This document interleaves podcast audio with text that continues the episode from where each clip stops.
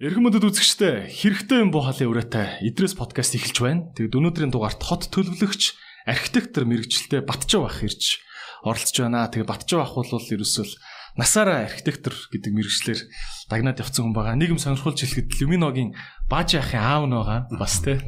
Тийм. Гэхдээ өнөөдөр Люминог ерөөсөө ярихгүй. Дандаа Улаанбаатар хот. Ер нь хотын талаар архитектор байшин барилга тий. Хаус тиймэрхүү юм дээр гэж бодож байна.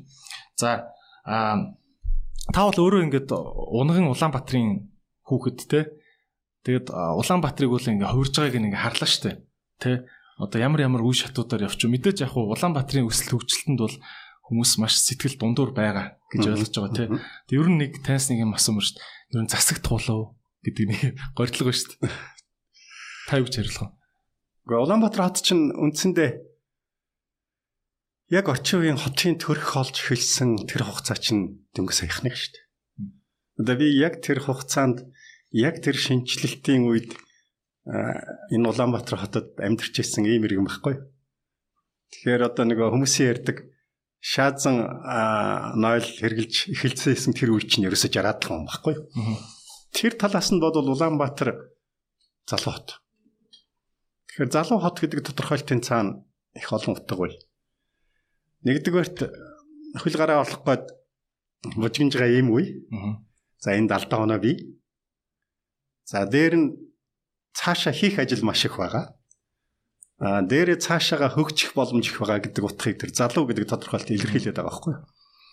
Тэр утгаараа бол одоо хүмүүсийн нөгөө сэтгэлээр унаад байгаа энэ хот ер нь хэцүүдлээч гэдэг юм уу? Энд ер нь амьдрах боломжгүй боллоо гэдэг тэр санаа бол хитрхи утрангуу тийм үзэл бодол.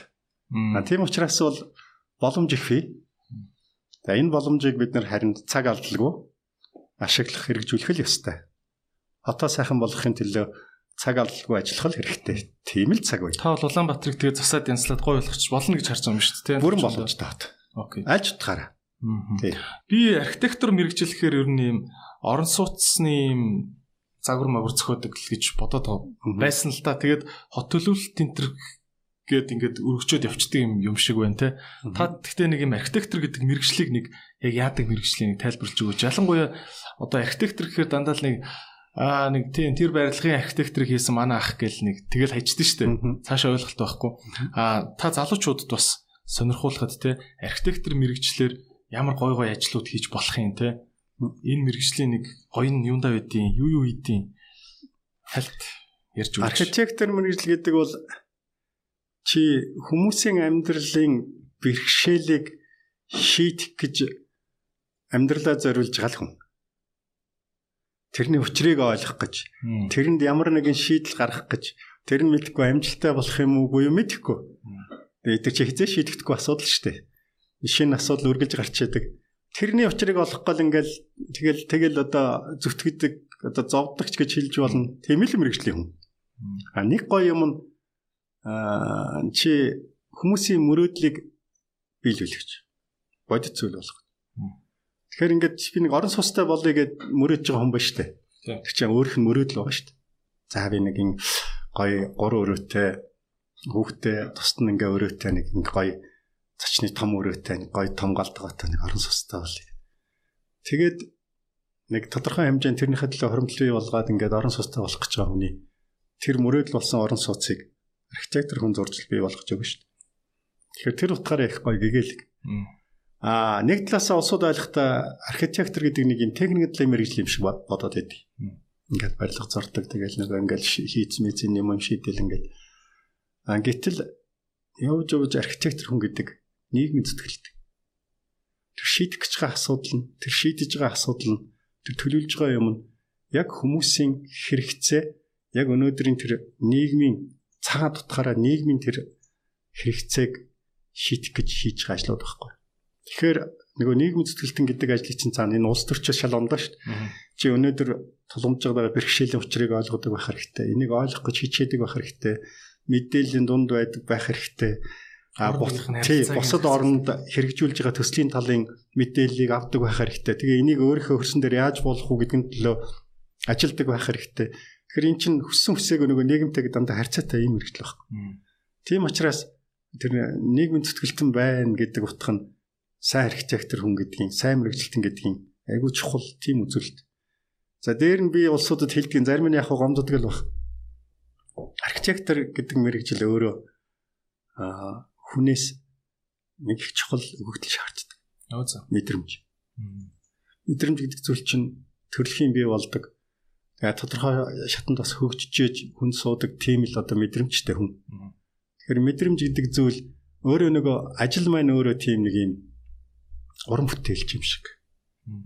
Тухайн архитектор хүний хийсэн яг орон сууч гэсэн тэр хүний өөрийн санаа өөрийн бүтээл шүү дээ. Нэг зураг зурж байгаа зурагчаас ялгаа байхгүй байхгүй. Тэр чинь яг өөрийнх нь бүтээл.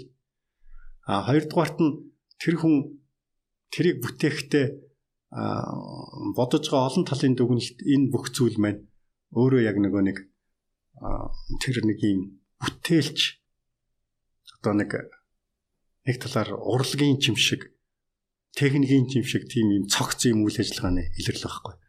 Тийм учраас архитектор хүн гэдэг би бол яг би өөрөө тэр мэрэгжлийн хүн учраас яг энэ утгаараа тэр мэдрэмж гэдэг зүйл маш чухал Тэг ер нь бол хийцэн юм чинь гоо зүүн гоо зүүн нэг зүг харагдах. Тэг мэдрэмж их их олон юм биш үү? Тий. За өнөөдрийн ер нь улсуудын сонирхол юу байна? А тренд юу байна? Тэ? За энийг ер нь ямар хуу болгочвол илүү гоё болох уу? Илүү ашигтай болох уу? Илүү зөв болох уу гэд ингээд тэр чинь хүн мэдрэмж гэдэг зүйл чинь их олон утгатай л да. Ингээл хүнтэй одоо архитектор анхныхаа нөгөө захиалагч уу клиенттэй ингээл уулзсан шүү дээ. Тэгэл уулзахад энэ хүн юу нь юу хүсэж байгаа гэдгийг би ойлгохгүйгээр миний бүтээл сайн болохгүй байхгүй. Тэр хүний нөгөө нэг мөрөөдөл гэдэг юу чи ихлэд ойлгохгүйгээр тэр мөрөгдлийг биелүүлж чадахгүй шүү дээ. Тийм учраас ингээл хүнтэй уулзахад хүртэл энэ хүн юу нь юу хүсэж байгаа гэдгийг чи мэдэх мэдрэмж чамд хэрэгтэй байхгүй. Тэр ярианаас нь тэгээд аа энэ хүн чинь нэг тэдийн насны нэг тиймэрхүү орлоготой за тийм гэр бүлтэй хэдэн хүүхэдтэй тийм айл юм байна Тэгээ өөрийнх нь сонирхол бол нэг тэр орчимд нэг тиймэрхүү маягийн орон сууцнд амьдрах хүсэлтэй юм байна. Ажил нь тэр нэг шоновчтой тамглах гэдэг. Тэр хүнийг ингээд би ойлгох хэрэгтэй байхгүй. Тэгэхээр ойлгоно хүнийг ойлгоно гэдэг чинь хүнд их мэдрэмж үйж л ойлгоно шүү дээ. Тэрнээс ш зүгээр нэг ярианаас хүнийг ингээд ойлгох чинь бас тийм амар ш байхгүй. Хамгийн наазах нь ерөөсөө энээсээ эхлээл тэр мэдрэмж гэдэг юмны утга гарчих юм. Хүн чадвартай байж болно, мэдлэгтэй байж болно. Гэхдээ мэдрэмжгүй байх бол маш хэцүү Гэхдээ яг тодорхой тодорхой мэрэгжилд бол мэдрэмж гэдэг зүйл үнэхээр хэрэгтэй. Яг тэр сайн мэрэгжилт болохын тулд зүгээр энэ боловсрлог юм уу тэр мэрэгжлийг сурж болно. Одоо жишээлбэл арга хэлбэрт тэр одоо яаж энийг хийдгүү мэдгүү гэдгийг хүн сурж болно шүү дээ. Тэр чинь аа мэдрэмж гэдгийг сурж болохгүй.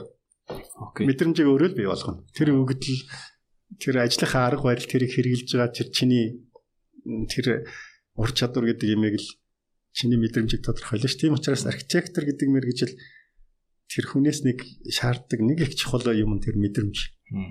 Окей.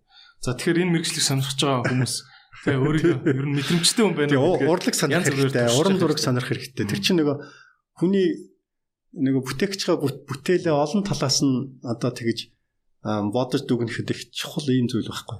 Тэр нэг би ганцхан жишээ хэлье. Мэдрэмж гэдгийг тодорхойлсон гоё юм архитектор хүн үргэлж ингэж эрэл хайгуул хийж явдаг. Манай нэг найз байдгийн Севилийн хөл бөмбөгийн дэлхийн аварга стадионыг хийсэн. Оо за. Тий.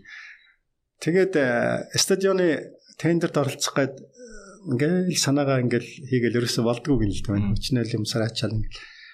Тэгээд Барселона руу нэг тамилтаар явах болоод онгоцоор Севилээс нисээд тэгээл нөгөөтгөө ингээл үргэлжлүүлээ хийгээл ингээл сууж исэн чинь аа онгоц бухт болсон чинь ингээд бэлгийн дурсгалын зөвлөгөө стратегисүүд ингээд нэг юм жижигэн жижигэн юмнууд өгчилтэй хүнд.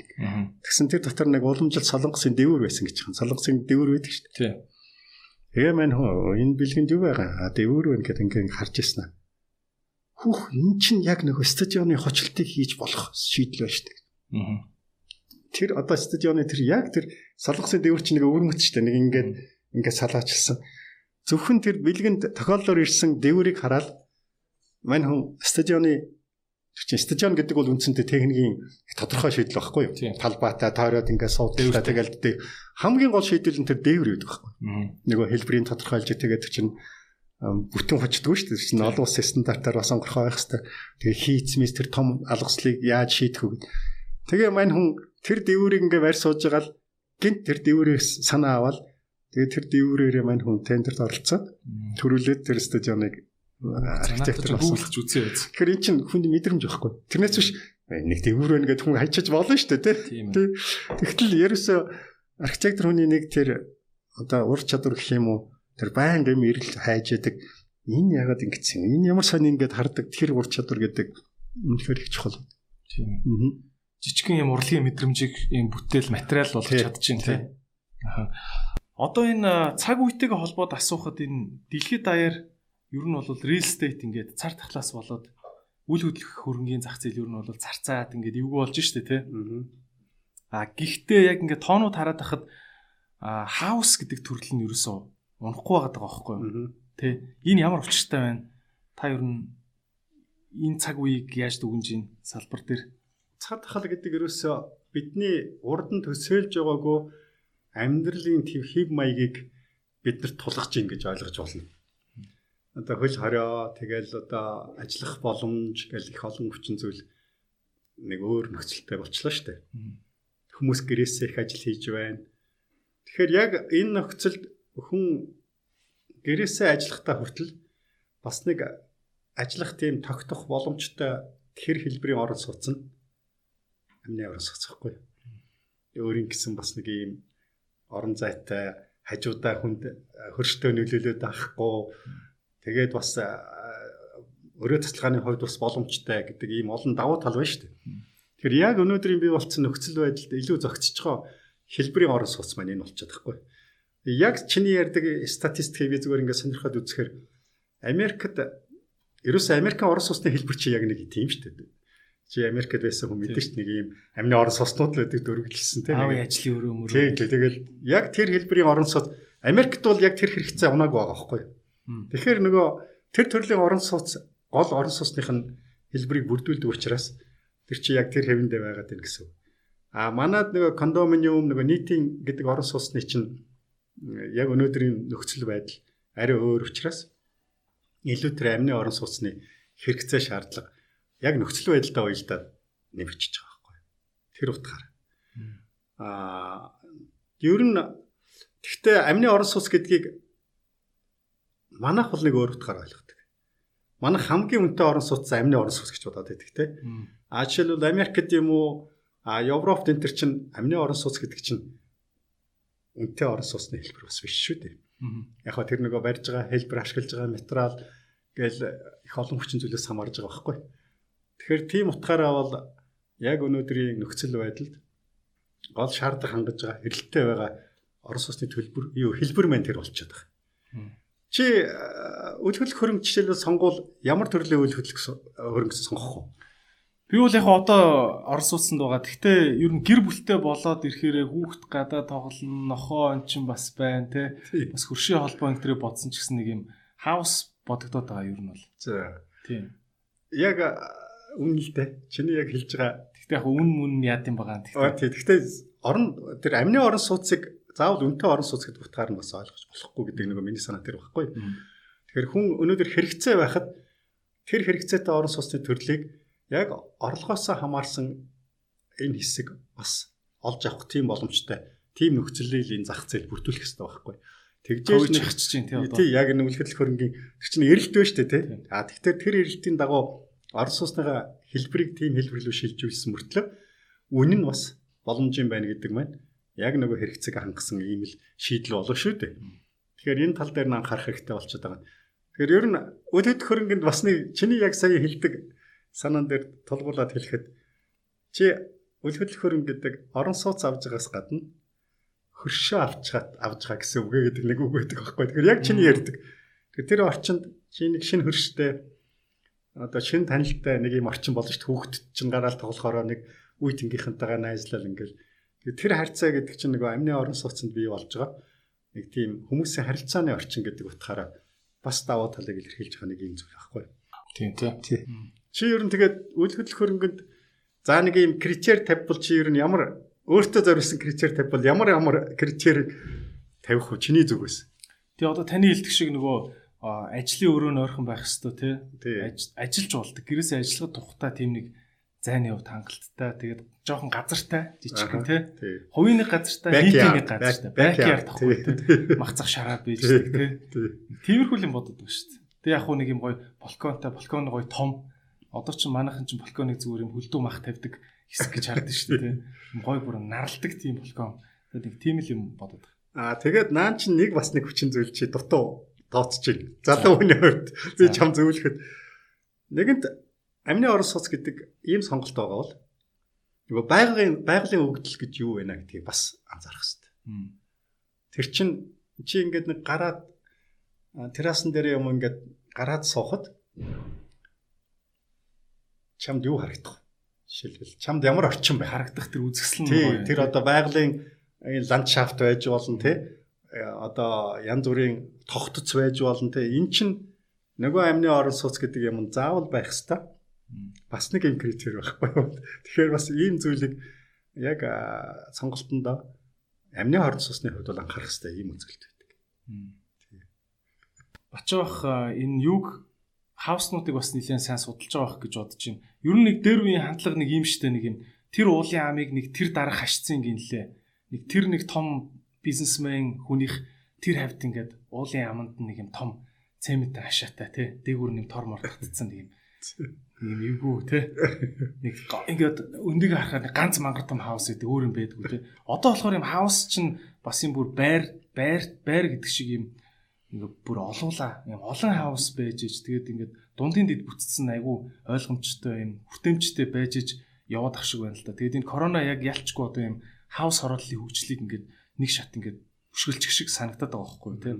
Танд одоо сүүлийн үед ингээд анзаар анзаарч хахад Монголд бас гайгүй юунууд те таны нүдэнд өртөж байгаа жишээнүүд байна уу? А та ер нь энэ хаус орол цаашаа яаж ингэж хөгжих вэ гэж бодож байна? Хүн гэдэг бол ер нь хамтарч амьдэрдэг. Сүргээрээ амьдэрдэг гэж хэлж болох тийм амьтан байхгүй юу? Аа тэгээд сайхан би нэг ном уншсан. Яг энэ хүмүүсийн энэ сүргээрээ амьдрах энэ давуу тал гэдэг юм яагаад бий болсон ингээл их сонин сонин жишээ юунууд судалгаанууд байл л дээ. Тэгэхээр хүн эдгээр хөрөнгөтэй байсан ч гэсэн өөрийгөө тусгаарлана гэдэг бол яг нөгөө хүний нэг мөн чанар гэдэг зүйлээс ангид болчихж байгаа байхгүй тийм ээ. Аа тэгээд өөрийгөө тусгаарлаж нууж амьдрын гэдэг тэр нөгөө амьдралын тогтох тухыг бүрдүүлж байгаа асуудал биш байхгүй. За нэгдэг барт. Хоёрдугаарт хөршүүд нэг юм хамтын амьдралын орчин гэдэг маань яг энэ амны орон сууцнд нэг тийм гоё юм нөхөрсөг тэгээ харилцсан ихтгэлтэй аюулгүй байдлыг илэрхийлж байгаа чухал орчин байна. Бие бинээ таньдаг. Тэр ихтгэл одоо жишээлбэл ингээл сууцаа орхиол нэг гадаад руу нэг сар юм уу урт хугацаагаар ингээл явхад те бид нар явлаа шүү манайхыг харж байгаарэ гэл ингээл явхад нөгөө айл чинь энэ хөршмөн байхгүй байгаа штэ гэд анхааралтай болчихж байгаа шүү дээ. Тийм жишээлбэл одоо ямарваа нэгэн гэмтэл ус мус алддаг ч юм уу ийм юмнууд болж магадгүй тэр үнд илүү анхааралтай. За танихгүй хүмүүс үүдээр нь явбал үгүй эн чинь хүн байхгүй шүү дээ. Юу хүн яваад байгаа юм бол гэд эн чинь нэг аюулгүй байдлын одоо ингээд нийтээрээ хүлээж байгаа нэг юм хариуцлага орчим болчихж байгаа. А ганц ганц тустай хашаатай гэдэг бол энэ над тамаагүй би л болж ивэл болоо гэсэн л тийм сэтгэхгүй шүү дээ. Тийм биз дээ. Тэгэхээр юу ч авчрахгүй. Нэг л яг хуу дээрүүд нөгөө хамтарч байгаа хаус руу нэгдэж орох хүмүүс нь бас цөөхөн ч байсан шиг байна. Тийм тийм. Дээр үеийн хауснууд тийм байдаг те. Хоёр дахь нь а нөгөө аюулгүй байдал гэдэг өөрөө зардалтай. Жишээлбэл хамгаалт хэрэгтэй те. Одоо камержуулт хэрэгтэй, гадна гэрэлтүүлэх хэрэгтэй гэдэг ингээд зардалтай байхгүй юу? А тэр зардлыг цөмөрөө нийлээд ингээд хуваагаад үүрнэ гэдэг хин хүнд ашигтай байна. А тэгсэн мөртлөө тэр хамгаалтыг тэр аюулгүй орчин бүрдүүлэх энэ үйл ажиллагааг хэвийн шаардлагатай хэмжээнд зохион байгуулах сайхан боломж байхгүй. Тэгэхээр ийм юм давуу талаасаа ерөнхийдөө энэ амны орон сууц маань хороол маягтай ингээд явж штэ. А дээр нь одоо нэг хашаатай нэг гой тансаг орон сууцанд байгаа хүүхдүүд хоорондоо тоглоно үстэй тэр хашаан дотроо нэг спортын талбайтай нэг саксны талбайтай гэж боддог. Тэгэл айлын хүүхдүүд хоорондоо тоглоно үстэй те. А тэгэхэд тэр орчноороо байгаа амны орон сууцсан чинь тоглоомын талбай нэг. За ашиглаж болдог тэр парк а хөөрхөн фонтан, усан тал энэ юмнууд чинь бүгд нэг. Тэгээ тэрийг ингээд нийтээр ашиглана гэдэг хүнд өөрөө өөрт нь тийм сэтгэлийн гоё юм тааламж өгч байгаа. Хүүхдүүд нь одоо олуула тоглоол тийм ээ.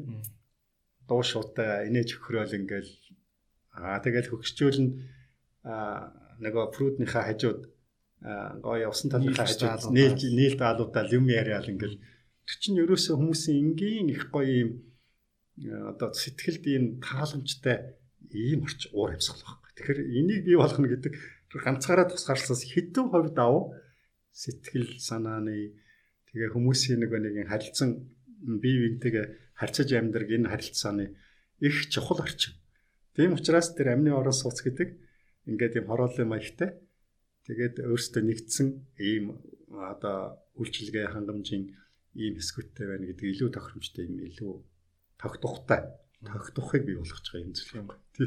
Танд одоо яг энийг ойлгож хийж чадж байгаа компаниуд анзаарэгдэж байна уу? Манайх ер нь яг ийм community гэж яриад байгаа шүү дээ. Ийм юм дээр сайн одоо хөгжиж ирч чадж гин үү? Яг өнөөдөр community гэдэг энэ тодорхойлт яг баруун шиг тийм тодорхойлт төр өнөөдөр бид нарыг тодорхойлж чадахгүй байна. Тэр үтгэл хууль нь хүртэл яг жинхэнэ community гэсэн утгыг тодорхойлж чаддгүй хуулт. Хоршоо гэдэг утгатай нэг тийм хууль байна. Аа тэгэхээр community гэдэг чинь сая өөрсдийнхөө амьдралын нэгдсэн тимийн тогтохыг хамтаараа бий болгож байгаа тэр үйл байхгүй. Хамтын санаачлага, хамтын одоо энэ тогтухай бий болгож байгаа тэр хүчин чармайлтыг нэгтгэж байгаа. Тэр ийм бүтцийн а тэгээд оршин суугчдын санаачлагын тэр одоо ийм бүтэц байхгүй юу. Тэгэхээр эн чинь бол маш олон зүйлд ингээд түрүүн би ярьлаа шүү дээ. А эднийх байхгүй шүү гэдээ ингээ харж хацаж жишээтэй хамгийн энгийн гэгччээтэй тэгэл аюулгүй байдлаар хамтарч бий болох гэх их олон зүйл Тэгвэл би нөгөө мэрэгжлийн хүн болохоор энэ тэнд шинэ ашиглалтанд орох гэж байгаа баригдаж байгаа ийм төслүүд дээр ирж үзээч гээл би өөрөө ч сонирхож явж үздэг. Тэгээ одоо гоо одоо яах вэ? Яг одоо өнөөдөр харьцангуй бас айтайхан яг сая миний яриад байгаа энэ э, шаардлагыг хангаад ингээд босцсон нэг хороол би саяхан очсон. Хан төвлөгөөд яг нөгөө нөхдрөө явдаг замын зүүн талд.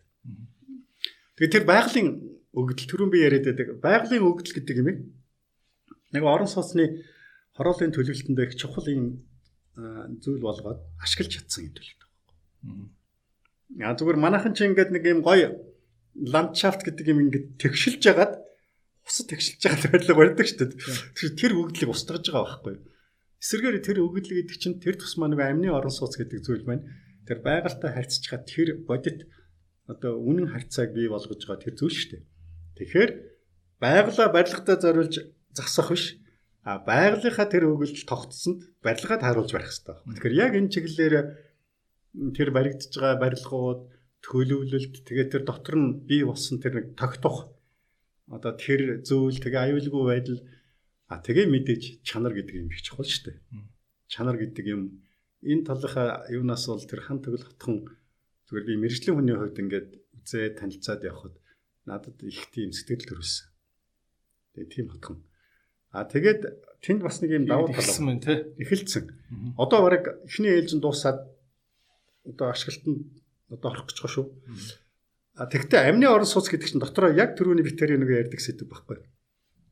Төлөвлөлтийн хувьд. Нөгөө талбайн хувьд үнний хувьд чинь талбай хувьд гэдэг чинь нэг үнний хувьд хэлбэрийн хувьд гэдэг чинь нэг үнэндээ нөлөөлж байгаа зүйл байхгүй. Талбай нь өөр өөр. Хэлбэр шийдлийн хувьд арай өөр гэдэг чинь арай нэг тансаг зэрэглэлийн аа тэгээд энгийн төвгээд үнний одоо ийм сонирхолтой ийм хувилбаруудыг бий болгох шийдэл байхгүй. Тэнд чи яг тийм тийм хувилбарууд байгаа. Twin House гэдэг. Twin House чинь нэг хоёр айл ингээд нэгдээд байгаа учраас нэгдүгээр зардал хэмжиж байгаа. Одоо ингээ нэг хан байна гэсэн үг, хаан ашиглаж юм гэсэн үг шүү дээ. Хоёрдугаар Twin House нэг их давуу тал юу гэхээр нөгөө монголчууд ч нэг юм хамтын амьдралын нэг юм уламжлалтай шүү дээ. аав ээжтэйгээ хамтардаг те эмээ өвдөйгээ амьдардаг. Тэгээд тэднэртэйгээ ингээд хамт гоё бүл болоод тэгэл нэг хөөхтүүтэй харуулдаг гэдэг тийм нэг тийм эн чинь их сонь соёл байхгүй. Европ л арай өөр шүү дээ. Ер нь амьдрал амьдралаа дагаад явдаг юм соёл шүү дээ тий. Тэгэхээр яг ийм соёлтой энэ орчинд Twin House гэдэг яг хажуудлынх нь байранд аав ээж нь хажууд нь хүүхдүүд нь ч юм уу ингээд чинь нэг л бүл байхгүй. Тийм. Тэгэхээр тийм шийдлийг ингээд бий болох ийм боломжийг өгч байгаа. А хоёр дахь нь нутгийн соёлд тааруулдаг. Яг уламжлал соёл. Гэхдээ чи хүнлэг соёл шүү дээ. Гадаадынхан бол тус тустай амьдрна. Ерөөсө тархинд нь тэгээ суудсан. Хүүхдүүд нь бол тэгэл орхиол явдаг шүү дээ, тий? Хөгшчүүдэд жоо хатуу соёл шүү. Тэгээд хөгшчүүлээ хөгшрөхөөр нөгөө юуны байрны авчаал өгчдөг шүү дээ. Нөгөө халамжийн юм. Тэр чинь нэг жоохон тийм зүгээр бидний талаас харахад ийм хүнлэг бус ийм л зүйл байхгүй. Тэгэхээр энэ даваа талаа бид нар авч явахад тэр нөгөө амьдарч байгаа орчин орон сууцны шийдэл маань бас эндээ нийцсэн байх хэрэгтэй. А хоёр дахь нь юу гэхээр нөгөө таун хаус гэдэг яг чиний нөгөө Америк маягийн нэг өргөжлөлсөн нэлээд хэдээрээ ингээд нийлцсэн бөрөөр нийлцсэн. Тэгээд өөрийн өөрийн тус тусцын байр, тус тусцын гаражтай тэг ийм хэлбэр байгаа шүү дээ. Арай бага талбайтай. Энэ чинь үнний хувьд арай хямд болчихж байгаа байхгүй. Тэгэхээр сонголт бий болж гэсэн үг. Тэнд бол илүү залуу гэр бүл та нарын үеийнх ингээ амьдрах тохиромжтой. Тийм л ийм үнэн чараа хямдраад ирчих юм биш. Үнэн чараа хямдрал хоорондоо наалтчихсан. Талбайн чараа бага. Тэгээ ийм ийм хөлбөрүүд бий болчихж байгаа байхгүй. Тэгээд зүгээр би нөгөө нэг сая нэгэнт л ингээд сэтгэлд хөрсөн гэдэг чинь би тэр яагаад хөрсөн гэдэг тодорхойлтоо хэлэхгүй бол нэг хийсвэр юм болж штэ. Тэгээд энэ хотхны хувьд нэг давуу тал нөгөө барилгацсан талбай нөгөө байгаль байгалийн өгдлийг хадгалсан талбай хоёр харьцаа айтах. Ерөөс 30% барилгацсан. 70% нөгөө өгдлөө ашиглах. Тэгээд 70% нь гоё нийтих тэгээ нөгөө ногоо яг ногооноор байгалийн тогтолцоороо а тэгээд а ер нь ийм байдаг юм л да. Дэлхийн эрүүл мэндийн байгууллагаас энэ хоцорон газрууд нэг хүнд оногдох ногоон суулгамлын хэмжээг тогтооцсон байдаг. Тэр чинь нөгөө эрүүл ахын нөгөө нэг цэвэр орчин тий зогцоо харьцаа шүү дээ 9 м квадрат гэдэг. Хамгийн минимум баггүй. Харамсалтай нь өнөөдөр Улаанбаатар 6-аас доош. 5.1 хэд. Тэгээд Улаанбаатарын зорилго болгож байгаа хүрэх гэж байгаа ойрын зорилт нь 8.1 хэд. Тэр тэгтэл хүрэхгүй байгаа байхгүй юу? А тэгэхэд тэр хотхонд чинь нэг 110 хэдэн метр квадрат нэг хүнд оногдож байгаа. Нөгөө байгалийн өгдөл тэгээ өөрсдийнхөө бий болгож байгаа тогтчлт энтрийн нэг хүнд оногдож байгаа харьцаа юм болчихж байгаа байхгүй. Nice. Тий. А тэгэхэд Сингапур гэдэг л Сингапур чинь нэг 160-аад байна уу тийм л байгаа шүү дээ. Зүгээр а Европын хотууд энэ төр нэг хүнд нэг 25 орчим оногдож байгаа. Тэгэхэд тэр хотхон 100 харав харав харав метр квадрат нэг хүн харагдаж байгаа. Nice. Манайхан тэгээд яг одоо нэг ийм ийм ийм нүүб мүбийнхэн стандартыг эрүүл эрүүл мэндийн байгууллагын стандарт заавал мөрдөх ёстой байхгүй тийм ээ. Хүн ингээ эрүүл амьдрахад тэр нэг хүчил төрөгч ялгарулдаг тэгэл одоо их олон хүчин зүйл шүү дээ. Энэ чинь мод ургамал гэдэг чинь зөвхөн нэг зүйл биш шүү дээ. Тэгээ тэр ихтгэл нэг байгалийн юм гэдэг хүнд өгдөг нэг сэтгэлийн нэг юм гоё мэдрэмж тааламж гэдэг юмыг өгж идэг хүч их чухал юм зүйл байхгүй. Тэгээ тэр утгаараа тэгээд ер нь надад хятаахан тэр гоё тогтолцоог тогтолцоог ашиглаад тэр өгдлийг ингээд хамгийн өр дүнтэй яаж ашиглаж болох вэ гэдэг талаас нэлээ харсан ийм шийдэлтэй юм байна л гэж би харсан. Одоо тэгээд сая юуны коронагийн үеэр чинь бас яалаа штэ дэлхийн том баячууд чинь энэ хитэрсэн том хөлөг онгоцудаа бас зарлаа шүү дээ маш хэрнэ. Нэгдүгürt эн чинь өвчин их дигдэд юм байна дотроо. Тий. Ер нь бол хоёрдугаар заавал ийм амар том онгоцоор явах шаардлагагүй зарж эхэлж шүү дээ. Тэгэд энэ юу юм бэ л шүү дээ. Хүмүүс чинь машины утаа яндангийн утааг л агаарын бохирдолд их нөлөөлдөг гэдэг. Яг эсэм дээр тэр далайн тээвэр хийдэг том хөлөг онгоцууд ч ёстой бодоо болгох юм л шүү дээ. Дизель хөдөлгөөртэй. Тэгээд энэ далайн би бас нэг сони юм гайхсан. Энэ далайн хөлөг онгоцнуудыг сая нэлээд шүмжлээ л дээ. Сүүлийн нэг сүүлийн онд. Эдгээр чинь тэр том том дизель хөдөлгөөрүүд нь доошоо айгуух юм юу цацд юм бэ? Одоо дуу авианы бохирдол гэж орчуулах юм буур буур орчуулдаг шүү. Noise pollution гэдэг байна шүү дээ. Тэр чинь pollution доордгийг. Тийм дуу авиагаар орчныг бохирдуулна гэдэг чинь амьтны ертөнцийг бүр баллт юм биш үү? Ургамал Ургамал ч өөрөө их мэдрэмтгий шүү дээ. Тийм шүү. Тэр гаргаж байгаа дуу чимээнд ургамал хотын яг зам дагах ургамал нэгдүгürt удаа ургадаг. Аа. Хоёрдугаарт яг зам дагах ургамлын яг зам руу харсан хэсэг илүү хурдан хөвдөг байхгүй. Тийм үү. Тий. Тэр чинь яг тэр полюшны айгүй том жишээ. Тийм. Дуу чимээ. Тий. Тэр дуу чимээ нөгөө агаарын бохирдлын нөгөө нэг хаягдлаач шууд нөлөөлж байгаа байхгүй. Тийм. Харин тийм байт юм. Тэгэд бас энэ хот дээр бас энэ дуу чимээний бохирдол гэдэг юмыг бас хүмүүс нэг л аа тохгүй байгаа юм шиг санагдаад байгаа байхгүй. Тий, яг Эрүүл мэндэд маш их нөлөөтэй байл шүү мэдэрдэг юм мөртлөө урт хугацаанд хамгийн их нөлөөлдөг юм дуу чимээ байхгүй. Мм. Хүнд эрүүл мэндэд яг тэр тогтооход ингээд бүх юм нөлөөлдөг юм дуу чимээ. Тийм учраас дуу чимээний норматив гэдэг юм чи хатуу штэ. Нэг децибелээр тодорхойлдог. Замын хажууд байх юу орон сууцны өрөө таслахын дотор байх дуу чимээний хэмжээ ямар байна. Тэгэхээр тэр дуу чимээнээс л хэрв зөрчүүл илүү гарвал тэр нөгөө замыг чинь дуу чимээгүй болгох нөгөө тусгай хан барих гэл өчнөө ийм арга хэмжээг заавал авч явах хэрэгтэй. Бид нөгөө ийм юу гэдэг юм бэ? Өөрсдийнхөө амьдралын үнцэн гэдэг юмд хэрэгцээтэй тэр зүйлийг нэг их оошоодгүй учраас бид нар хайхардаггүй. А хайхардаггүй учраас нөгөө шийдвэр гаргагч нар нь тэрийг асуудал болгож авч үздэг баг. Тийм. Одоо тэгэл үнэхэр химжээл ингээл үзэл тэр байх хэвээр нормативтэй тулгаад үзэхэд манад бол ялангуяа зам дагуулах энэ юунууд бол өчнөө өндөр байна. Тэр чинь яг тэнд ингээд барилга барьж байгаа компани хүртэл яг тэр үзүүлэлтээ үзээд ханныхаа шийдлийг цонхныхоо шийдлийг бүгдийг яг тэр тооцоогоор хийх ёстой шүү. Одоо тэгээ дуу чимээнээс чинь болоод бид нар өөрийн мэдлэгөө мэдрэлийн ядаргаа авч байгаа. Тэрнээсээ болоод бидний нойрны чанар муудаж байгаа. Тэгэхээр нөгөө бидний гүн унтдаг хугацаа багасж байгаа, давтамж багасж байгаа. Одоо Монголд бол нойрны асуудал бол ахсар их болчихлоо шүү дээ. Унтж чадахгүй байна. Дэлхийд нэг судалгаа байдаг юм л да. Хүн чинь ер нь амьдралынхаа 3.1-ийг унтж өнгөрөөж байгаа шүү дээ. Бараг нэг 30 жил өнгөрч хүн унтж байгаа. Гэсэн мөртлөө тэр чи хүнтэй цаг байхгүй. Шүү дээ. Амьдралын 3-ны Амьдралын 3.1 шүү дээ.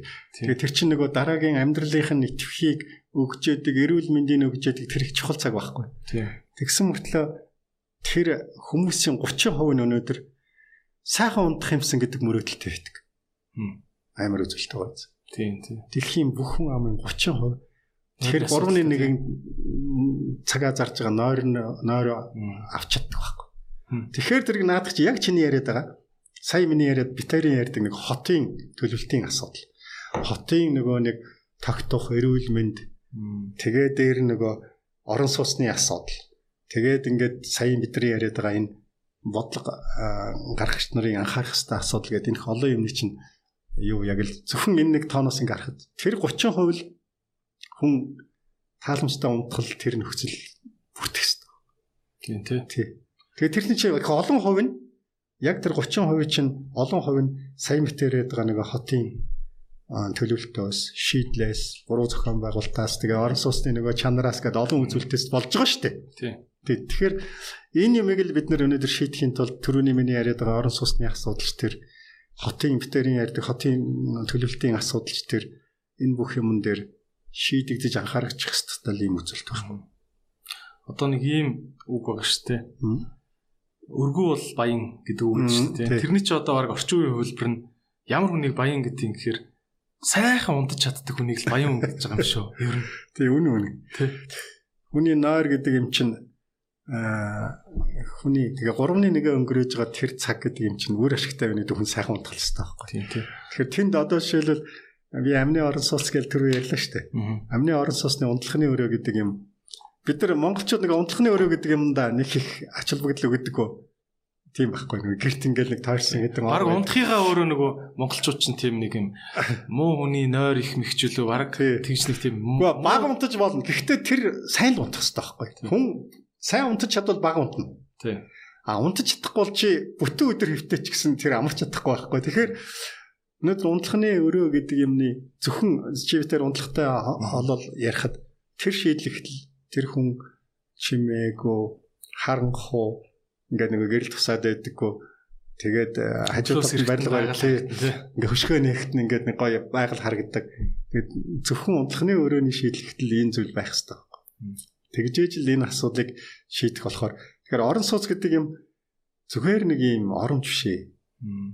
Тэгээд хүмүүсийн яг амьдралын энэ бүх ийм нарийн зүйлүүд яг одоо хүн нөгөө нэг тогтохтой байна гэдгийг тодорхойлж байгаа энэ зүйлүүдийг л чиглэл чиглэлээр хангах хэрэгтэй. Галтгоо гэдэг. Галтгооны өрөө. Галтгооны өрөө чинь эмгтээчүүд бүх амьдралынхаа 18 жилийг галтгоонд өнгөрөөдөг гэж. 18 жил шүү дээ. Наа тэр гэхдээ орнуудын хөгжлөөс хамаарат өөр өөр. Гэхдээ 18 жил өнгөрөөж өнгөрөөж байгаа тэр галтгоо гэдэг чинь нэгдүгээр хүн ажиллахад хэлбэр. Хоёрдугаарт ажиллахад тааламжтай. Тэгээд эмгтээчүүд чинь ажиллаж байхдаа ингээд өр хөвгтэй хэмжээдэг тэр боломжтой. Тэгээд одоо нэг дуртай хоолоо хийх тэр нөхцөл нь бүрдсэн ч юм уу. Тэгэхээр тэр чинь яг энэ хүний амьдралын тэр нэг хугацаа гэдэг юм өөрт нь кайфтай өнгөрөх л өстэй байхгүй. Тэрнээс ч нэг дарамттай өнгөрч болохгүй шүү дээ. Тэгэхээр нэг орон сууц гэдэг юм чинь зөвөр нэг хоол хийдэг өрөө биш хоол хийдэг өрөө биш байхгүй. Тэгээд найз нөхдөд авчираад хоол хийж явахдаа сайхан деми ярин те. Тэгэж тэгдэг шүү дээ хөхнөч чинь ингээ кофе уугаад юм уу вино уугаад тэгэл хоолоо хийгээл яриад ингээ. Тэг хөхнүүдгээ ярьчихаар одоо илүү нэг гендерийн асуудалд орно шүү дээ. Үгүй ээ. Тэгтээ юу л да. Тэгтээ тэгэл тоогоор тийм үгүй тоогоор тийм байхгүй. Тэгээ эмгтэй хүн чинь өөрөө нөгөө нэг их дуртай байдаг. Нөгөө тэргээрээ нөгөө нэг гэрээ удирддаг одоо хотоодоор нь аа яг тэр чинь үг чинь байхгүй эмгтэй хүн чинь галтгоогоороо дамжуулж тэр гэрийг контролдож байгаа үндсэндээ. За телевизээ болоороо хоол гарах гэдэг шүү. Чи тэгээ штэ. За соосо хоолоо идэг л те. Тэр чинь ингээд командлж байгаа байхгүй. Тэгэхээр галтгоо гэдэг юм сая битэр унтлага ярьлаа галтгоо гэдэг юм ярьлаа. Тэгээд галтгоо гэдэг юм бас нэг анзаарах хэрэгтэй юм яг хаа сүүлийн шийдвэл гээд бид нар чинь нэг юм нээлттэй ч юм уу нээлтсэн галтгаа гэх их олон хэлбэрийг юм ингээд шууд хэрэглэх гээд байна. Галтгоонд нэг анцаарах хэрэгтэй юм. Нөгөө уламжилт нөгөө хол хоолны соёл гэж байдаг шүү дээ. Монгол хүн өнөөдөр ямар хоол иддэг вэ? Шүл тий. Үнэртэй, хэншүүтэй, төмпөнгөөр гарах тий, тийм хоолууд хийдэг шүү дээ. Тэгэхээр тэр үнэр мүнэр чинь бас нөгөө өрөө өрөөгөө тархачихгүй. Тэгээд тэр нөгөө нойтон галтгаа гэж яриад байдаг шүү дээ тэр нэг тусдаа нэг тийм битүү тусдаа өрөөтэй нэг жижиг хэсэг ч юм уу тэр юм чинь нөгөө нэг төлөвлөхтөө тэр үндснийх нь онцлог гэдэг харгалзнаа гэдэг юм чинь тэр л те. Тэгэхээр бид ямарваа нэг юм дэвшилттэй юм хэрглэж болно тэр сайн. Гэхдээ нөгөө тохируулж хэрглэнэ гэдэг байгаа ч л юм байхгүй. Тэгээд нэг ялангуяа тансаг зэрэглэлийн орон сууцнд тэр агааржуулалтын систем нь их сайн байдаг л да ер нь. Аа тэгээд нэг тусад нь ийм жижигхэн нөгөө нэг нойтон галтгаа гэдэг тийм нөгөө хиншүү мишүүтэй юм уу ма шарж мардаг юм а хийдэг. Тэр яа тийм тусдаа тийм галтгооноос тусдаа жижигхэн өрөө гэдэг. Яг галтгооны хажууд. Тийм шийдлүүд бий л дээ. Энэ чинь болоо манай хуушур борцгой. Хуушур борцгой харихад ямар ч асуудал байхгүй. Тэр нөгөө үнэрт юм байхгүй тусдаа юм. Нойтон галтгоо гэж ярьд юм. Тийм нойтон wet kitchen гэж ярьд. Яг нөгөө төлөвлөлтийн англи. Европын орнууд ч өөр нэг хөвчлэн хүүтэн салат идэл үсрээл нэг паста шанаа. Нэг амар хурц. Гадуур хоол иддэг соёлтой. Гадуур их хоолдог. Хоол иддэг цаг нь Франц ингээд нийлцсэн байна уу? Хоол иддэг цаг ингээ гаргасан үзүүлэлт байдаг. Өө цаа. Францууд, Испаниуд, Италиуд хамгийн их цаг үрдэг. Хоолн дээр. Тэгээ 2 цаг 20 минут, 2 цаг 30 минут. Өдөрт хоолн зарж байгаа цаг. Өө яасан юм. Америкт цаг 10 минут цаг л зарж байгаа. Тэр чинь нэг хүмүүсийн нэг соёл ба штэ. Тэгээ нөгөө хоолны нэг иддэг хоолны нэг төрөл ба штэ. Францууд чинь жишээлбэл тэгэл Америкт чинь нөгөө junky food нөгөө нэг юугаа идэхгүй штэ. Суун, туглан тэгэл ингээл ярина. Тийм учраас ингээд Хүмүүсийн тэр манайхан хэрэг цаг үрд юм бол хоолн дээр. Аа манайхан мэдхгүй яг гарсан судалгаа байхгүй бах. Зүгээр бас их цаг үрдэггүй баха. Саяхныг үртэл айлууд ер нь ингээд галтгооны ширээн дээрээ суугаад иддэг биш нэг тийм аягтай хоолой галтгооноос аван гута тус тус том өрөөнийхөө диван дээр сууж байгаа тус тустай идснээ аяга буцаагаа тавьчаад буцаад том өрөөлөг ордог нэг тийм юм хамттай хоолой идүү ч юм шиг юм сонин байсан тий. Төрөний битэрийн би анх ярианда эхэлж ирсэн нөгөө энэ хязгаарлагдмал болж байгаа өмтэй болж байгаа нөгөө чөлөөт цаг гэдэг гэр бүлтэйгээ өнгөрөөнө гэдэг асуудал ирсэн шүү дээ. Тэрний чинь нэг шийдэл надагч байхгүй. Эхнэр нь гоё хоол хийгээл бүгдөө ширэн дээр сугаал идэнэ гэдэг тэр нөгөө чөлөөт цагаа бид нар гэр бүлээрээ хамт байх тэр боломжийг л олгож байгаа хэлбэр шүү дээ. Тэгэхээр эцэг эхүүд хүртэл энийг их сайн бодох хэрэгтэй байхгүй. Хүүхдүүдтэйгээ нийлээд хоол идэхэр чи хүн гоё шүү дээ тий. Хүүхдүүдтэй хөгтөө юм ярина, хүүхдүүдийнхээ яриаг сонсно а заримдаа нөгөө нэг гэр бүл болсон үүлэд явд мэдээлэл солилцсон сургууль сая дээр болсон мэдээлэл солилцсон. Тэгэхээр энэ харьцаа гэдэг юм түрүүний миний яриад байгаа чи тэр хязгаардмал цагийг л гэртээ өнгөрөх гэж байгаа бол тэр орчин чинь тэр төлөвлөлт чинь тэр ширээ чинь хүртэл чи гэр бүлийн хэдин гişүүдтэй бүгдээрээ суух боломжтой чи тийм ширээл авт авах хэрэгтэй байхгүй тийм.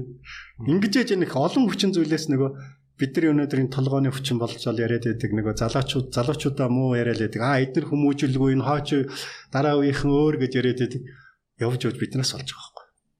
Бид багасаа л яг ийм маягаар амьдраад ийм хөвшилд орцсон бол ялгаагүй шүү дээ. Тэгэл яг л хоолоо тусдаа диван дээрээ сууж идэх хар чи яаж авах үгийг сонсох. Ядахта ээж нь тэр чинь нэг ээжтэй баярлаа ээж гой хоол болж гэж хэлэх хэрэгтэй биз дээ чинь нөгөө тэр тэр тэр нөгөө сабити ярьдаг нөгөө гендерийн асуудал эмгтээчүүд чинь тэрийг хүлээж яадаг байхгүй нэг. Нь юм хийцэн юм чинь.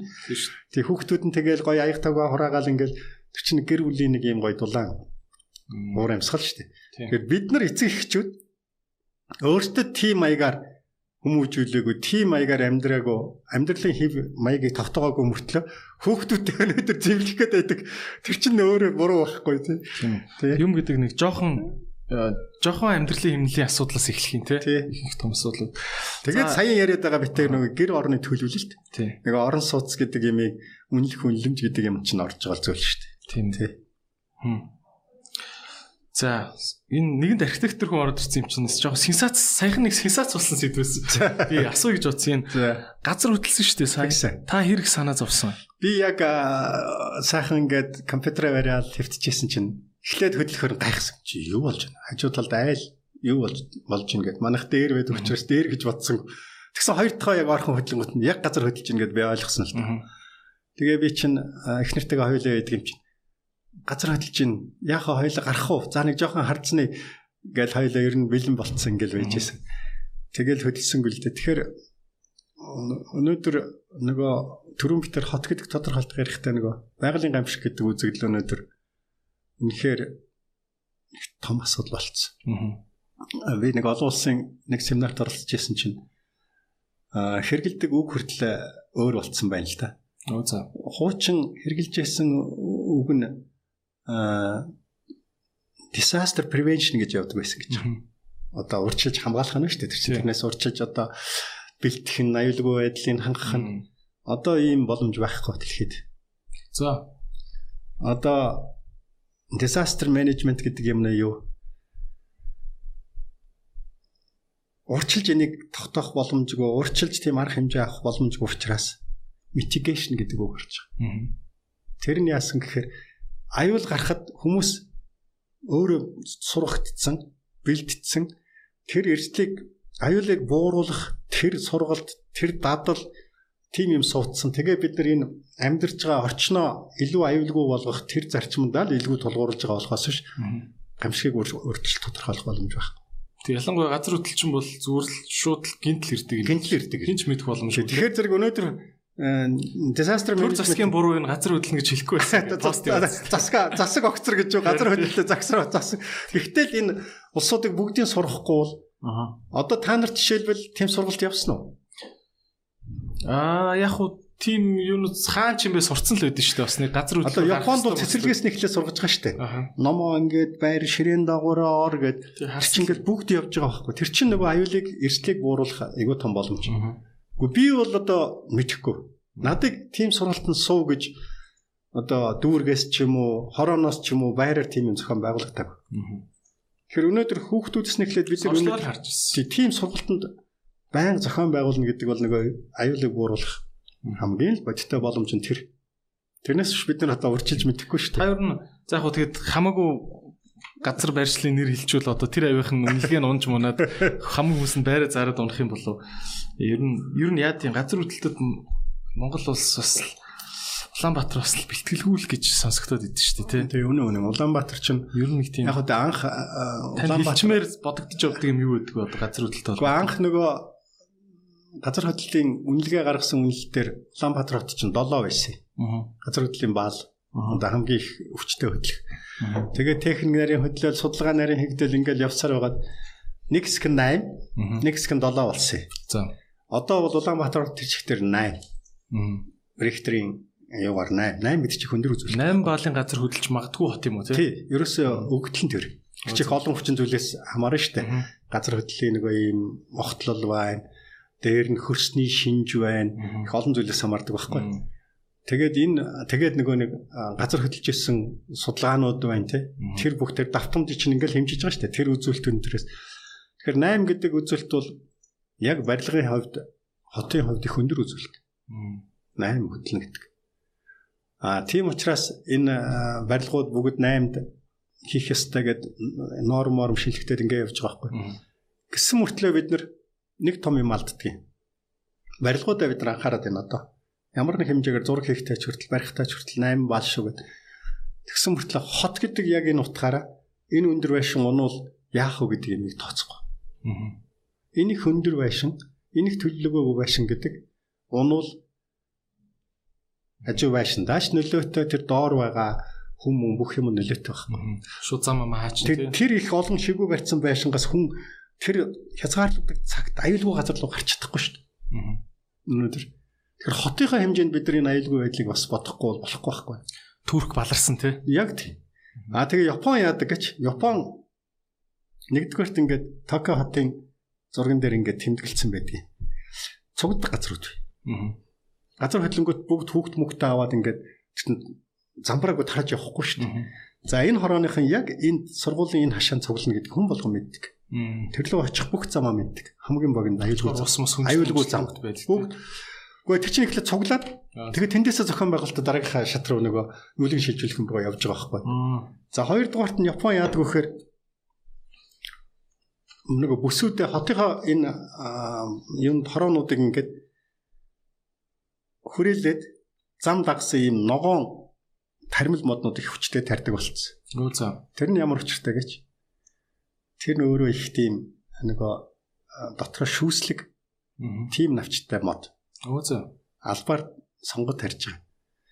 Гал гарахад галын аюул ингээд тархахад тэр шүүслэг мод тодорхой хэмжээнд галыг тэр бүст нь барьж явах хэрэгтэй. Хөөх тийм зөвхөн мод тарихтаа хүртэл тэг сонгож байгаа байхгүй.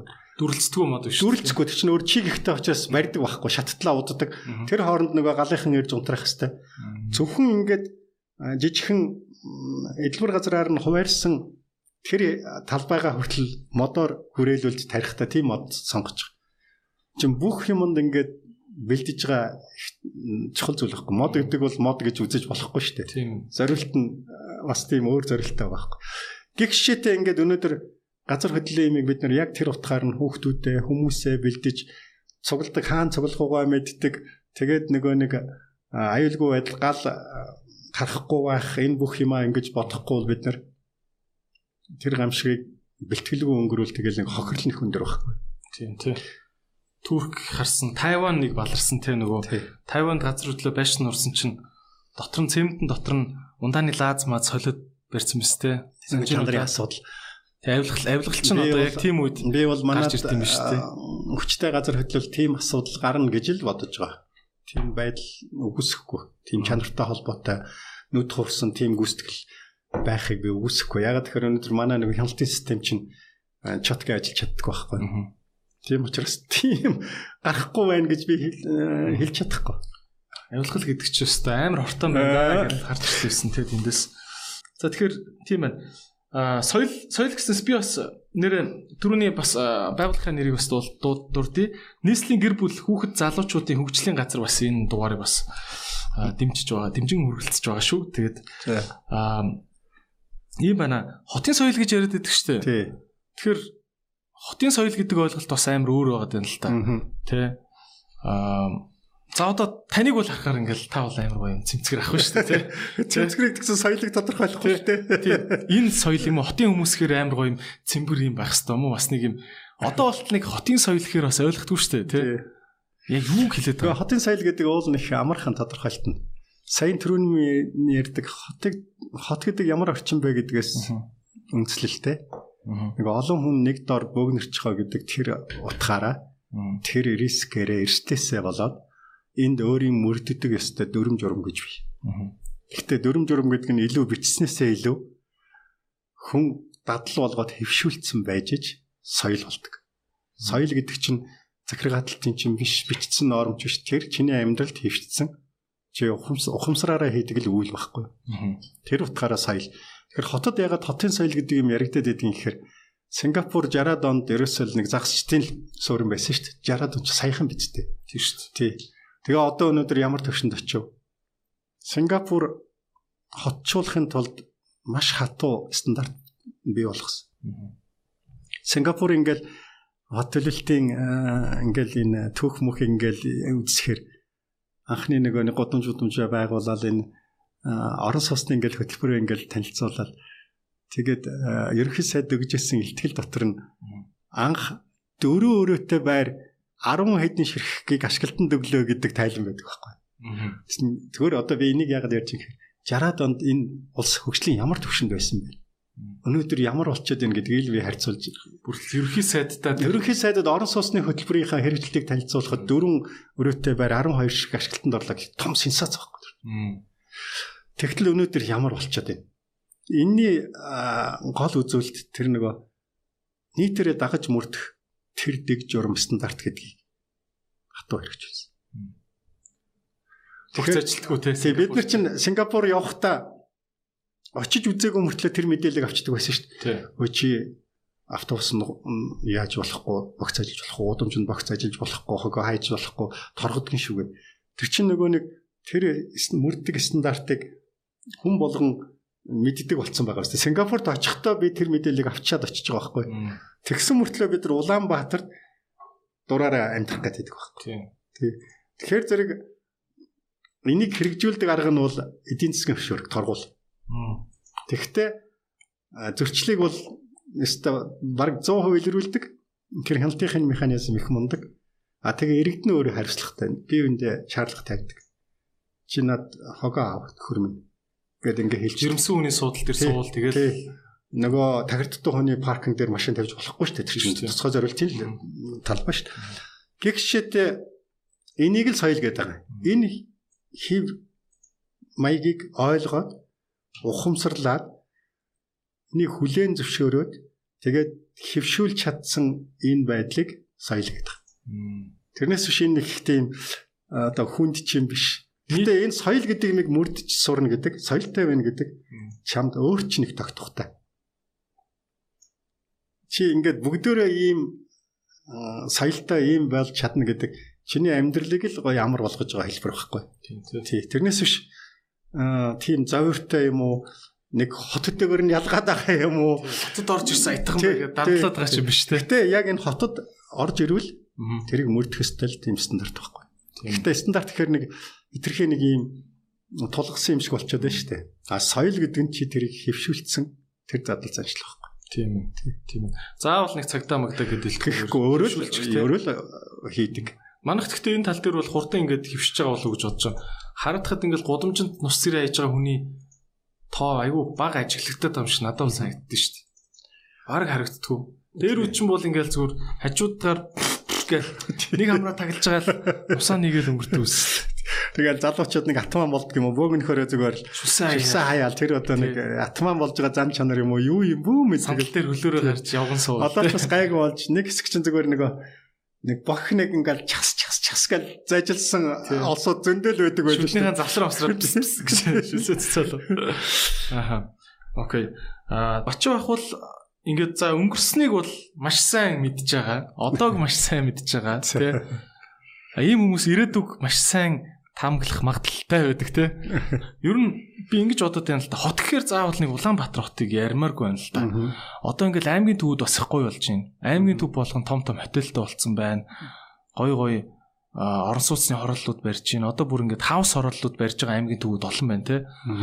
Аа аймгийн төвүүдийн одоо жишээ нь дарга нар тий үзэж байгаа бол та юу гэж захимаар байна тий аймгийн төвүүдийг хөгжүүлэхдээ аймагуудын төв залуучуудад юу гэж захимаар байна.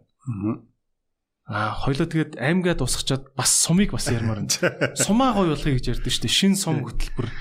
Сумаа сайхан болгомоор байна. Сумандаа сайхан амьдрцгаа энэ төр гэл иймэрхүү юмнууд байдаг штэ тий. Одоо чинэлэг малчин гэж бас бас ярьдаг болж байна. Бүр цаашаа малчны хот руугаа хүртэл явж штэ тий. Тий. Хотондоо сайхан амьдрий сумандаа сайхан амьдрий гэдэг юм юм ярьж штэ. Та энэ нэгж болгон дээр нэг тус тусад нь гоё юу гэж. Архитектор хүний одоо ийм л бодмоор байна гэдэг. Тэгэхээр яг наадах асуудал чинь явж явж нэг Монгол улсын хүн амын сошиал гэдэг том бодлого руу орчиж байгаа. Аа. Энэ э, сая 500 гаруй километр квадратын талбай бүхий энэ том газар нутаг дээр 3 сая хүн хамгийн тогтохтой амьдрах тэр шийдэл юу юм бэ гэж. Тэгэхээр нөгөө хот төлөөлөгч гэдэг энэ хүн сая битэрийн яриад байгаа чинь нэг яг нэг тухайн хоттой холбоотой асуудал яриад байгаа байхгүй. Яг энэ мэрэгжилтэнд ордог бас нэг шийдэх ёстой асуудал, төлөвлөх ёстой асуудал нь улс орныхаа хэмжээгээр энэ хүн амарч суурьшлыг яаж төлөвлөх юм бэ гэдэг. Өөрөөр хэлбэл улсын хэмжээнд энэ хот суурингаа яаж байгуулж, яаж хөгжүүлж явах юм бэ гэдэг төлөвлөлтийн асуудал бас архитекторууд оролцдог байхгүй. Тэгэхээр өнөөдөр Монголд Улаанбаатар хотын байдал бол төлөвлөгдсөн ачаал нь хэтэрсэн.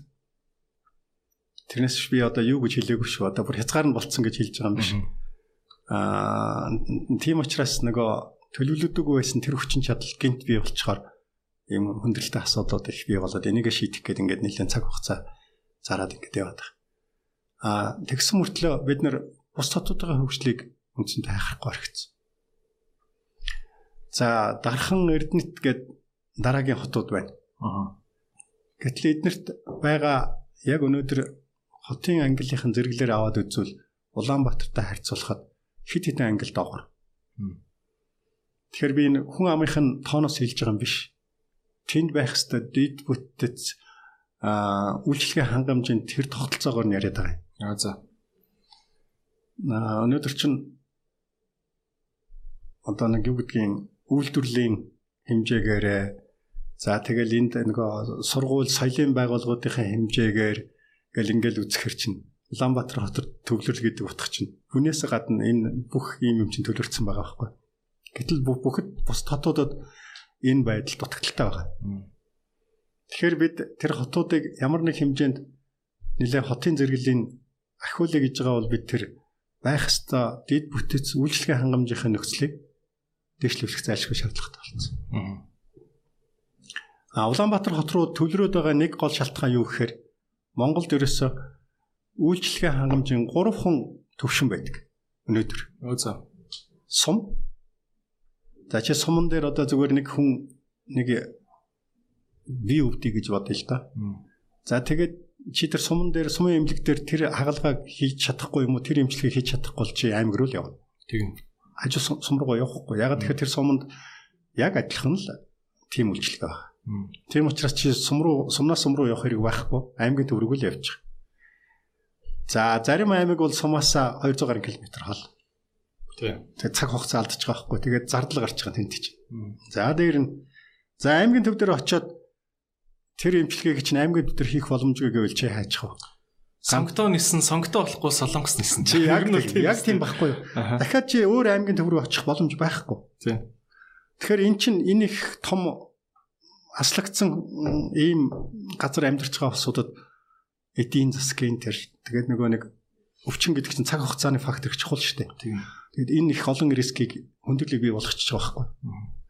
Аа тэгэхээр бид нар энэ өргөн уулдам нутагт одоо байгаа энэ аймагуудыг ятгахта дотор нь бүсийн хэлбэрт шилжүүлээд зарим нэг аймаг нь илүү хөгжилтэй үйлчлэгийн хангамжийн бус аймгаас давуу тийм төвшөнд очсон байдлаар эхлээд хөгжүүлэх хэрэгтэй болчиход байгаа. Тэгвэл нөгөө аймгийн төвөөс хот руу биш аймгийн төвөөс би тэр дараагийн арай илүү аймгаас аймаг руу тийм одоо бүсийн төвгээд ангилж л да би бүсийн төвийн төвшөнд байгаа хот аймаг руу очих боломжтой байхгүй. Энэ юу хэмнэх зардал хэмнэ цаг хугацаа хэмнэ. Тэгээд нөгөө нэг гурван шаталтай энэ тогтолцоог чинь бид нар 3 3 9 болгоо задлж 5 болгож болно. Эхний ээлжинд. Сумаас сум руу биш сум дундын төв рүү очдөг. Арай сумуудаас арай илүү төвшөнд. За дараа нь сум дундын төвөөс аймаг, аймагаас шууд хот руу биш бүсийн төв рүү очдөг. Эхний ээлжинд бид нар мэдээж хөрөнгө оруулалт гэдэг юм чинь хязгаартай бүгдийн тэм төвшөнд авч чадахгүй шүү дээ. Ятгахтаа нөгөө хүн амынхаа энэ нэг тогтох тэр эрүүл ах уу, эрүүл мэнд энэ бүх зүйлийг хангасан нэг ийм гурав байгаа төвшнөө ятгахтаа тав болгох ихний ээлжин зорилттой байх хэрэгтэй байхгүй. Гэхдээ энэний төлөө дуртай нэг сумыг юм уу дуртай нэг аймгийг сонгож болохгүй л дээ. Тэр чинь олон хүчин зүйл биш шүү дээ. Яг өнөөдөр байгаа тэр боломж эрчим хүчний боломж тэгэл ингээл олон хүчин зүйлээс тэрийгэ сонгоод тэгээд нөгөө үйлчлэх хүрээ гэж юм биш. Аль нь хамгийн тохиромжтой байралд байна. Тэгээ энэ утгаараа бид нар тэндээ илүү хөрөнгө оруулалт хийгээд ингээд гаргаж ирэх боломж байгаа. За дээр нь Дархан Эрдэнэт Улаанбаатар гэсэн дээр үед Санжин Баабар нэг алтан гурвалжин гэдэг нэг онол дэвшүүлж ирсэн юм л да. Аа за. Гэтэ тэр бол яг төлөв тараасаа харахад бас их мундаг том сууршлын бүсийн онол багхгүй. Гурван хотын яг ингээд гурвалжин гар татаад тэр дундаа өдөө аж ахуй хүнсний хангамж тэгээд нөгөө сая миний яриад байгаа энэ боловсрал соёл боловсрал эрүүл мэнд энэ бүх үйлчлэгээний хангамжийн их том юм сүлжээ бий болчиход ингүүл бас зөвхөн Улаанбаатар гэдэг нөгөө бидний асуудал биш. Нэлээд том хэмжээнд. Тэгээ нөгөө нэг сая яриад байгаа хоёр хотынхаа статус зэрэглээг өргөөд ийм хэмжээнд энийг хөгжүүлэх юм боломж байна. За Улаанбаатар хотыг өнөөдөр нэлээд юм сууршлын бүсийн хэмжээнд тэлий гэсэн ийм төлөвтүүд нэлээд эрчимтэй явж байна. Тийм боломжтой гарч байна. Ингээ орооч гэдэг шүү. Тий, одоо жишээлбэл Air City гэдэг нэг шинэ хэсэг буудлын тэр байна. Тэгээд энтэй холбогдоод нөгөө 100 мот хотын өнөөдрийн төлөвлөлт тэр төвшингээ яаж шинжлэх үү гэдэг ийм асуудал байна. Тэгэл баг ханга, баг нуур, налах гэл энэ бол Улаанбаатар хотын 2 2020 оны төлөвлөлтөнд бол суудсан байсан шийдлүүд л дээ. Гэтэ бүр төрөлжүүлээд жишээлбэл баг нуур чинь аж үйлдвэр эрчим хүчний том бүс байх боломжтой байхгүй. Нөгөө тийм баг нуурын уурхаад түшиглээд хажууд нь эрчим хүч үйлдвэрлэдэг тэр комплекс нэг цахилгаан станц бүх юм. За баг ханга гэхээр нөгөө хөдөө аж ахуй фермерийн чиглэлийн ийм тэгээ хотын хангамжтай холбоотой ийм бүс. Толгойт баг ханга хоёр чинь тийм боломжтой шүү дээ. Тийм ээ. А налах болохоор зэрэг илүү тийм нөгөө боловсрал сургууль, кампус, тим маягийн гэгшээтэй ингээд яг функцийн хувьд нэлээд тодорхой чиглэлүүтэй мөртлөө ерөнхийдөө Улаанбаатар хотыг ингээд задлсан ийм шийдлүүд гаргая гэж. Гэхдээ бид нар энэ дэр нэг л зүйлийг анхаарах хэрэгтэй байна. За. Хотыг тэлж болно. Гэхдээ хотыг тэлэхэд баримталдаг нэг л мундаг зарчим байдаг. Хотын альж хязгаараас хот руу 30 минутын дотор ирэх тэр боломжийг л хангах хэрэгтэй.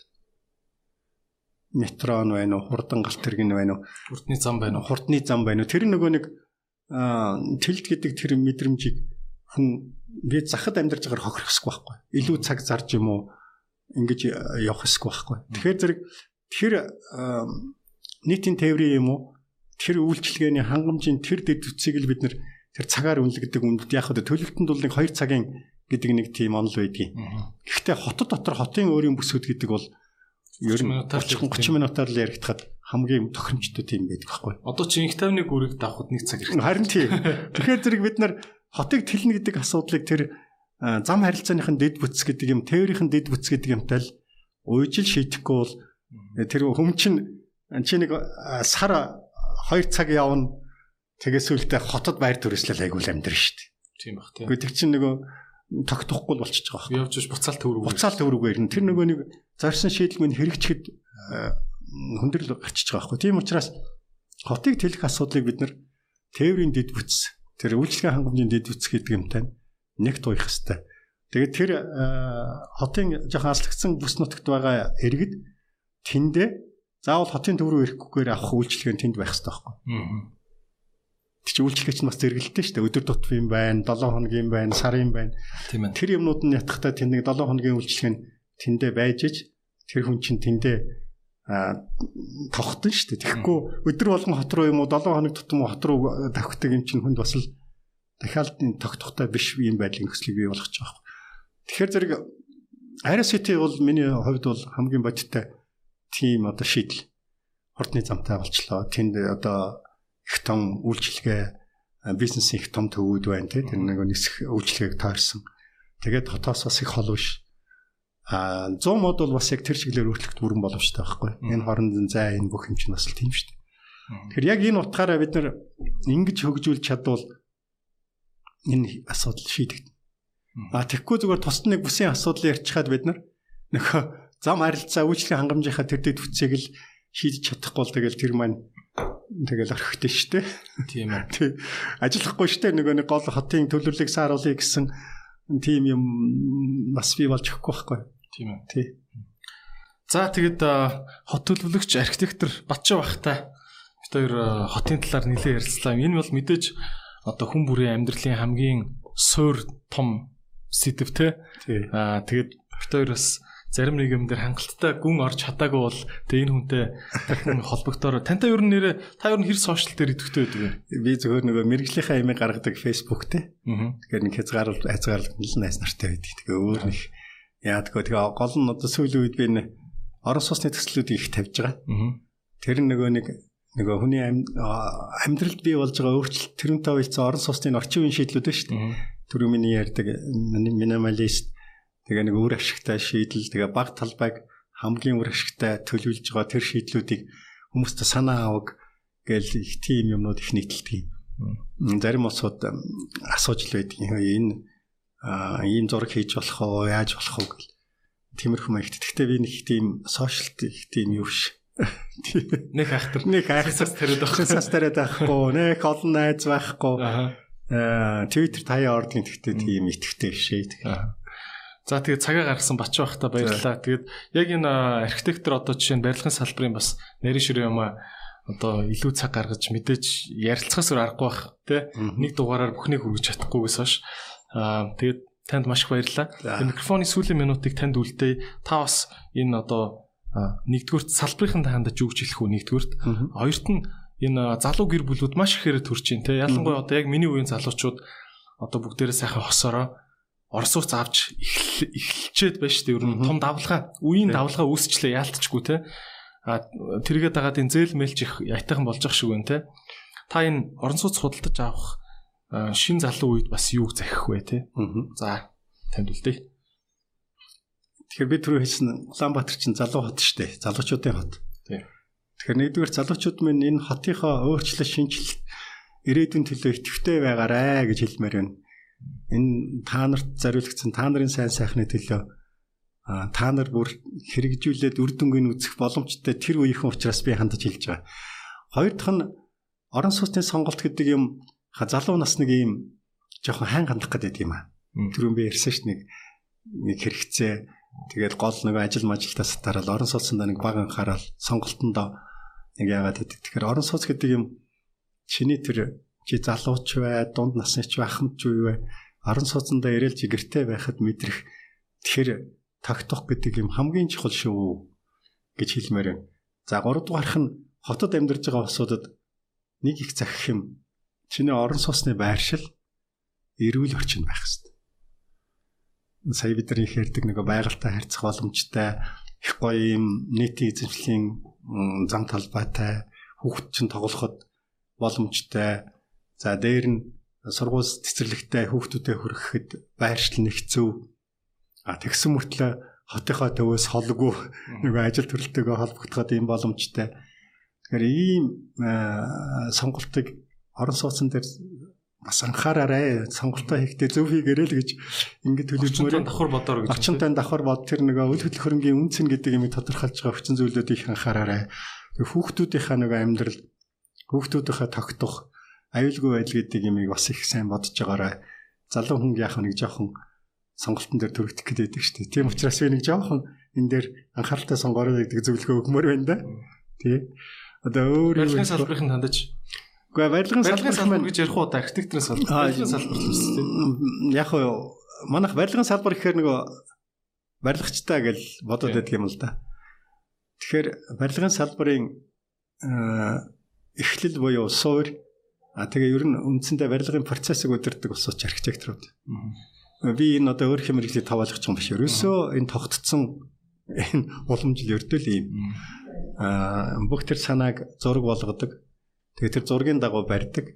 Тийм учраас тэрийг хяналтыг бас архитектор өөрөө тавьдаг. Яг тэр өөрийнхөө зургаар барьж байгаа юмыг тэр чинь яг баригдаж гин үү, зарим нэг юм өөрчлөх өөрчлөх шаардлагатай болно. Энийг ингээд өөрчилчихье гэдэг бүх шийдлийг гаргадаг.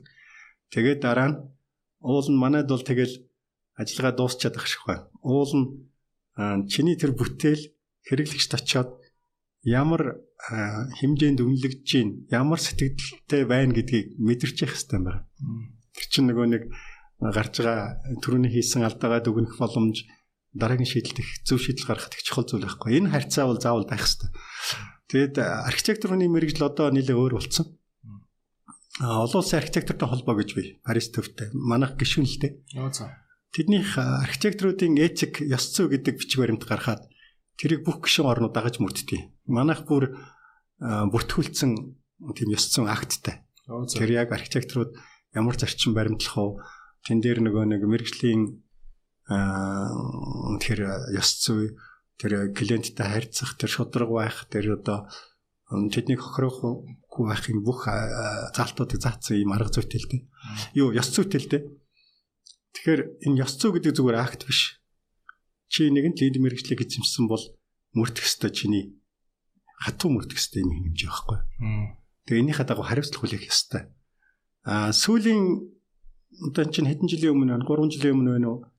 Хуучин архитекторуудын ёс зүйн акт гэдэг акт маань зөвлөх үйл ажиллагааны ёс зүйн акт гэдэг өөрчлөгдсөн. Consultant service гэдэг өөрчлөгдөж байгаа байхгүй. Тэр нь ямар өчтэй гэхээр өнөөдөр бүх үйл ажиллагааг ингээд төсөл гэж үздэг болсон.